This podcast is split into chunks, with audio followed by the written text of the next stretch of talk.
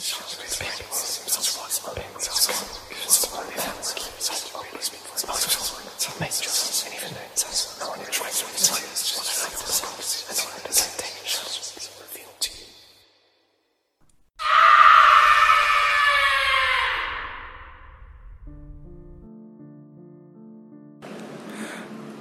halo semuanya, kembali lagi bersama gue Deki Rivaldi di Anomali Podcast. Untuk sekarang ini kita bakal membicarakan tentang mitos yaitu gak boleh ada kursi yang kosong di dalam kamar. Kursi itu uh, berupa kursi solo ya, kursi yang buat satu orang doang gitu Kenapa?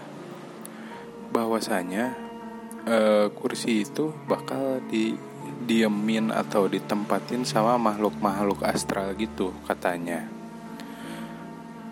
Coba deh, uh, lu taruh kursi kosong gitu di kamar lu dan lihat apa yang terjadi. Apakah uh, kursi lu tetap dalam posisinya atau berubah dalam posisinya atau berpindah tempat.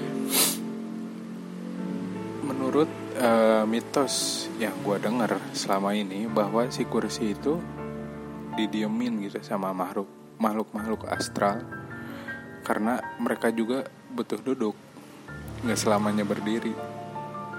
Jadi kalau kalian penakut sih jangan coba-coba untuk uh, apa namanya nyimpen kursi kosong di kamar lu atau uh, kalau lu penakut mending uh, isi deh.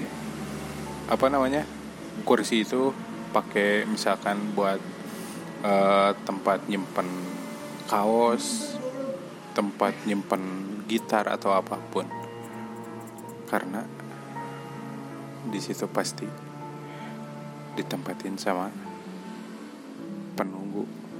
Atau lu ditemenin sama penunggu yang ada di tempat lo.